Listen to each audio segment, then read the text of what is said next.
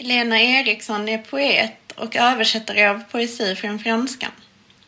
Hon har även varit verksam i redaktionskommittén för Ord och bild och för kulturtidskriften OEI. På förlagets hemsida anges att hon de senaste åren samarbetat med den svenska konstnären Marina Siglar, bland annat i en performance med citat en talande docka, en avgjutning, en kopia, slutcitat. I Erikssons nya diktsamling Kore på Starbucks figurerar grekiska marmorstatyer föreställande kvinnor och flickor, så kallade karyatider. Karyatiderna är alltså de draperade kvinnofigurer, ofta i naturlig storlek, som användes som pelare i grekiska byggnadsverk. Eriksson fokuserar på de sex karyatider som ursprungligen bar taket på templet Erechtheion på Akropolis, men som nu tjänar som museiföremål. Det är omtvistat huruvida man reste statyerna som något slags bestraffningens monument, en avskräckande påminnelse om de kvinnor från staden Karjai som dömdes till slaveri för att ha valt persernas sida i grekisk-persiska kriget. Det har även hävdats att karyatiderna i Erechtheion var tänkta att representera jaktgudinnan Artemis tempelprästinnor. Också en fundering i boken. Artemis själv en symbol för det vilda, för vildmarken och de vilda djuren. Marmorfigurerna har även kommit att kallas kore, som är det grekiska ordet för flicka slash docka slash pupill. I Platondialogen Alkibaides resonerar Sokrates kring hur människan kan ha kunskap om sig själv.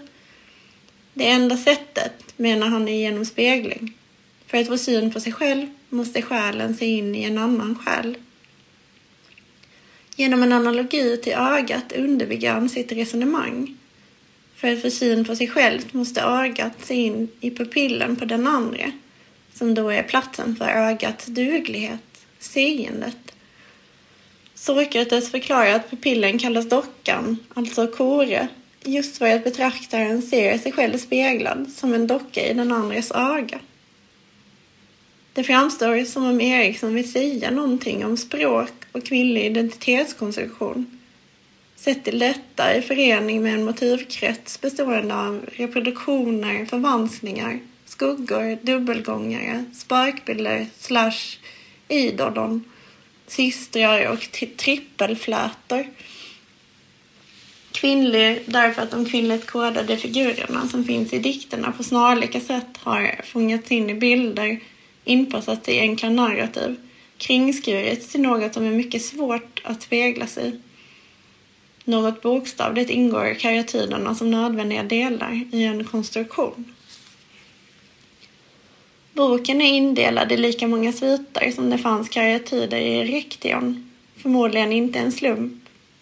1. Rundbyggnad 2. Kora slash karyatid 3. Travel light 4. Kora på Starbucks 5. Hydra slash Eleni och 6 en luftström från London.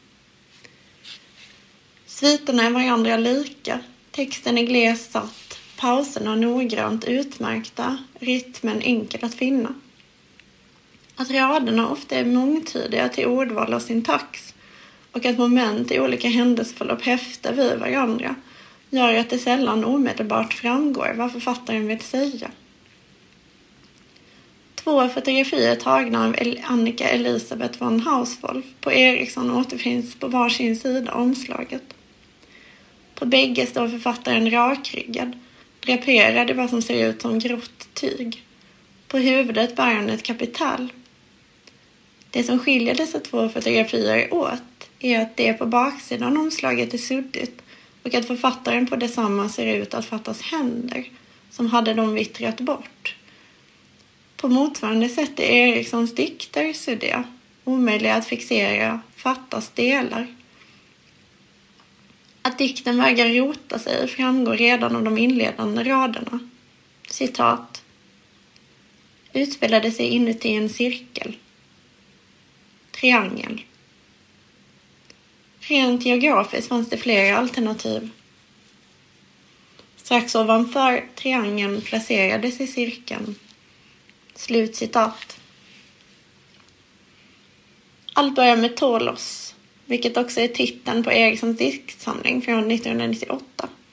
Grekiskans Tolos betecknar en antik rundbyggnad, eller en Tolosgrav, en underjordisk och bikupeformad grav. Dikterna rör sig över olika arkeologiska områden och museer i Grekland och London. Och så Starbucks förstås. Ordet rundbyggnad, som första avsnittet heter, förutsätter att det finns en mittpunkt slash kärna slash ett innersta. Samtliga ord kopplade till mening, betydelse. Detta kommer mig att tänka på dockan i pupillen, Agat mitt. I sin tidigare diktning har Eriksson uppehållit sig vid ytan som en meningsbärande plats och även i denna bok haglar markörerna för feminin yta. Klänningar, höga stövlar, silvernaglar, örhängen. Citat, långa svängande, gröna, slutcitat. Pärlor. Dikternas sätt att uppehålla sig i rundbyggnaden suggererar också mot det nu sagda, att där finns någonting viktigt. Och kanske är det så att mittpunkten, kärnan och så vidare inte är mer än något slags språkliga synvillor. Den av karyatiderna som står ensam i rum 19 på British Museum i London, Korea C, förlänar sin egen svit. Korea forslades ensam bort från Aten av den brittiska ambassadören Lord Elgin i början av 1800-talet. Vi får följa med henne över havet i fjärran land bort från systrarna. Se henne sedan hämtas upp av en han i en anakronistisk sportbil i London. Hon är inte ensam om att färdas över vatten. Helena, också hon från karriär, figurerar också. Medtvingad eller frivilligt på väg till Troja ihop med Paris. Kanske är det bara hennes idolon, Sparkbill, som i Euripides romantiska pjäs Helena i vilken själva Helena tar sig till Egypten och är där, klok och god. Eriksson skriver att man inte kan lära känna hennes natur utan att lära känna hennes systers. Det kan läsas som att orsaken till trojanska kriget, Helena och den goda egyptiska varianten rimligen är en. Eller att de åtminstone borde kunna vistas i samma berättelse. Euripides myt bearbetas av Anne Carson i hennes på svenska aktuella bok Norma Jean Baker av Troja för att tematisera kvinnan, hennes bilder och den andres bilder av henne, liksom kvinnligt kodad utsatthet i krig. Eriksson rör sig i liknande tankebanor, även om hon i detta är mindre generös än Carson. För detta talar också att Korea F, en annan karyatid, citat, sargad av den turkiska bomben, slutcitat, ägnas förhållandevis mycket utrymme. KRF finns att skada på Akropolismuseet i Aten. Ryggen, ryggraden är bruten. En metallstång förbinder huvudet med torson. I saklig ton berättar Eriksson om Partenons metamorfoser från tempelbyggnad eller skattkammare till krutmagasin till moské till kyrka och därigenom om historiska maktskiften och med dessa förbunden förstörelse i Aten. Parthenon utgör en världskänd symbol för den västerländska demokratin och vårt kollektiva minne och speglar på så sätt en mängd platser och tidsepoker. Bilden av KRC bortförd till London väcker tankar om kvinnan som status och maktsymbol. Cafékedjan Starbucks får ju också vara med. Rimligen representerar Starbucks i egenskap av multinationellt företag det kapitalistiska systemet. Kanske också det världsomspännande. Sirenen slash sjöjungfrun, ett mytologiskt väsen, personifikationen av havet, är nu en logotyp för detta företag. Obestridligt vill författaren säga något om hur det kvinnliga kapas och förvanskas i olika system. Starbucks får stå som symbol för eh, tidlösheten och eh, platsförbundenheten i denna praktik. Eriksson skriver som följer, citat. Någonting där inne vill interpunktion. En annan sorts metamorfos som vi inte känner igen. Som tar över först buken, sedan. Slutcitat. Utdraget kan läsas både som en slags metapoetisk kommentar och helt konkret. Någon eller något vill ett nytt narrativ. Eriksson skriver om att låta plicén citat välla ut över stilobaten. Slutcitat. Och kanske är det en bild för det befintliga språket, den hårda marmorn. Det är en fin bild, ljus. Jag tolkar den som att det kan gå att levandegöra sig själv ur språket. Om platsen råder oklarhet. Är det pelarsalen, museet eller ett rum inuti den som talar som menas? Och vem är det som talar i så fall? Grejen är nog att det inte spelar någon roll. Citat. Byta plats med henne, enkelt. Vi är många, sa hon. Polyfiletisk. Slutcitat. Polyfili är, om jag har förstått saken korrekt, ett taxonomiskt klassifikationsbegrepp som bland annat innebär att representanter för en grupp uppvisar gemensamma drag utan att ha någon nära gemensam stamfader. Kvinnofigurerna hos Eriksson delar predikament. Den som talar, talar för alla. Kanske är det också därför som texten har gjort suddig, fattig på kontraster. Att någon omedelbar förståelse inte infinner sig under läsningen har kanske framgått vid det här laget. Därför vill jag framhålla omedelbarheten i rytmen, i syntaxens särprägel, i enskilda, emellanåt slående vackra bilder. Men för att ge mening därutöver kräver dikterna en medskapare, gärna en impressionistisk och välvilligt lagd sådan. Den fragmentariska formen och okonventionella syntaxen kräver, dubbelheten i ordvalen kräver, kontrastfattigdomen kräver. Som uttolkare av texter motas jag in i förbehållsamhet. Hur skriver man om den här sortens dikt utan att det låter sinnesrubbat? Mina personliga referenser, de bilder som är eller utan fog kommer för mig har ingenting i en kritisk läsning att göra om jag inte kan grunda dem i det som faktiskt står i boken. Tänker man efter är de flesta motiven ofullkomliga slash osäkrade och låter sig inte enkelt beskrivas. Exempel. Den sargade Kore F med en metallstång där ryggraden en gång suttit. Reproduktioner efter reproduktioner efter förlorade original förvittrade friser som ingen kan enas om vad de föreställer. Eriksson skriver citat. Kanske vet vi ändå ingenting om Tolos. Ungefär som vi inte vet någonting om Sappho. Bara skärvor. Slutcitat. Det finns som sagt en upptagenhet vid det suddiga.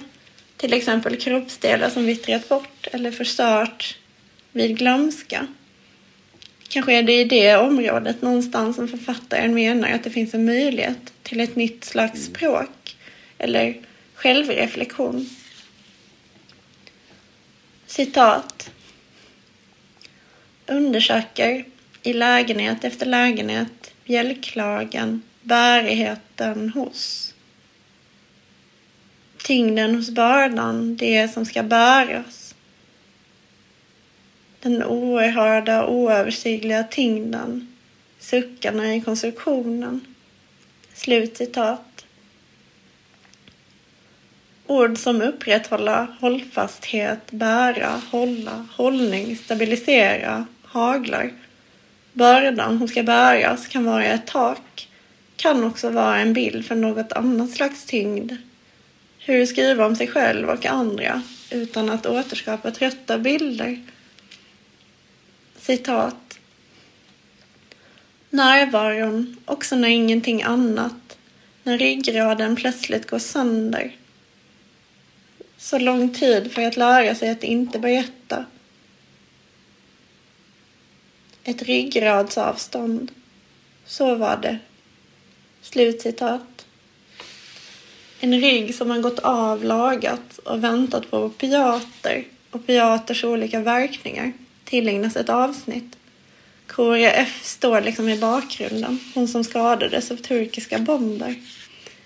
Karyatiden är till sin beskaffenhet bärande, tyngd, såväl i egenskap av teknisk lösning, upprätthåller avståndet mellan tak och golv, som symbol för makt, välstånd. Korea ses bortförande till England ett konkret exempel. Den raka hållningen, skriver Eriksson, är citat nödvändig, slutcitat. Är en karyatid med en bruten rygg fortfarande en karyatid? Och eh, är det nödvändigtvis något dåligt? Och hur kommer skrivandet, eller rättare sagt icke-berättandet, in i bilden? Jag frågar mig om det inte är så enkelt att boken i slutändan är en iscensättning av den kvinnliga befogade skräcken inför att förenklas, sammanfattas, förvanskas, klyvas och utsätta andra för samma sak. Och om det kryptiska, den fragmentariska formen, sett till den negativa formuleringen i utdraget, en ansats att komma ifrån berättandet i egenskap av manligt kodat uttryck. Eller bara ett försök att uppfinna ett nytt språk som en positiv strategi det kanske låter som att boken lämnar mig med frågor och funderingar. Det stämmer i så fall inte. Jag är nollställd, bortsett från känslan av att ha stirrat in i ett par ögon som vet bättre än mig för länge. Som hos eh, skolkuratorn ungefär. Det kan ha att göra med, den, ja, med att den utopiska tanken om ett kvinnligt språk ter sig så främmande. Om det nu är någon sån eh, Eriksson återknyter till. Eller så är det precis det, att jag mina ansträngningar till trots fortfarande inte med säkerhet kan säga.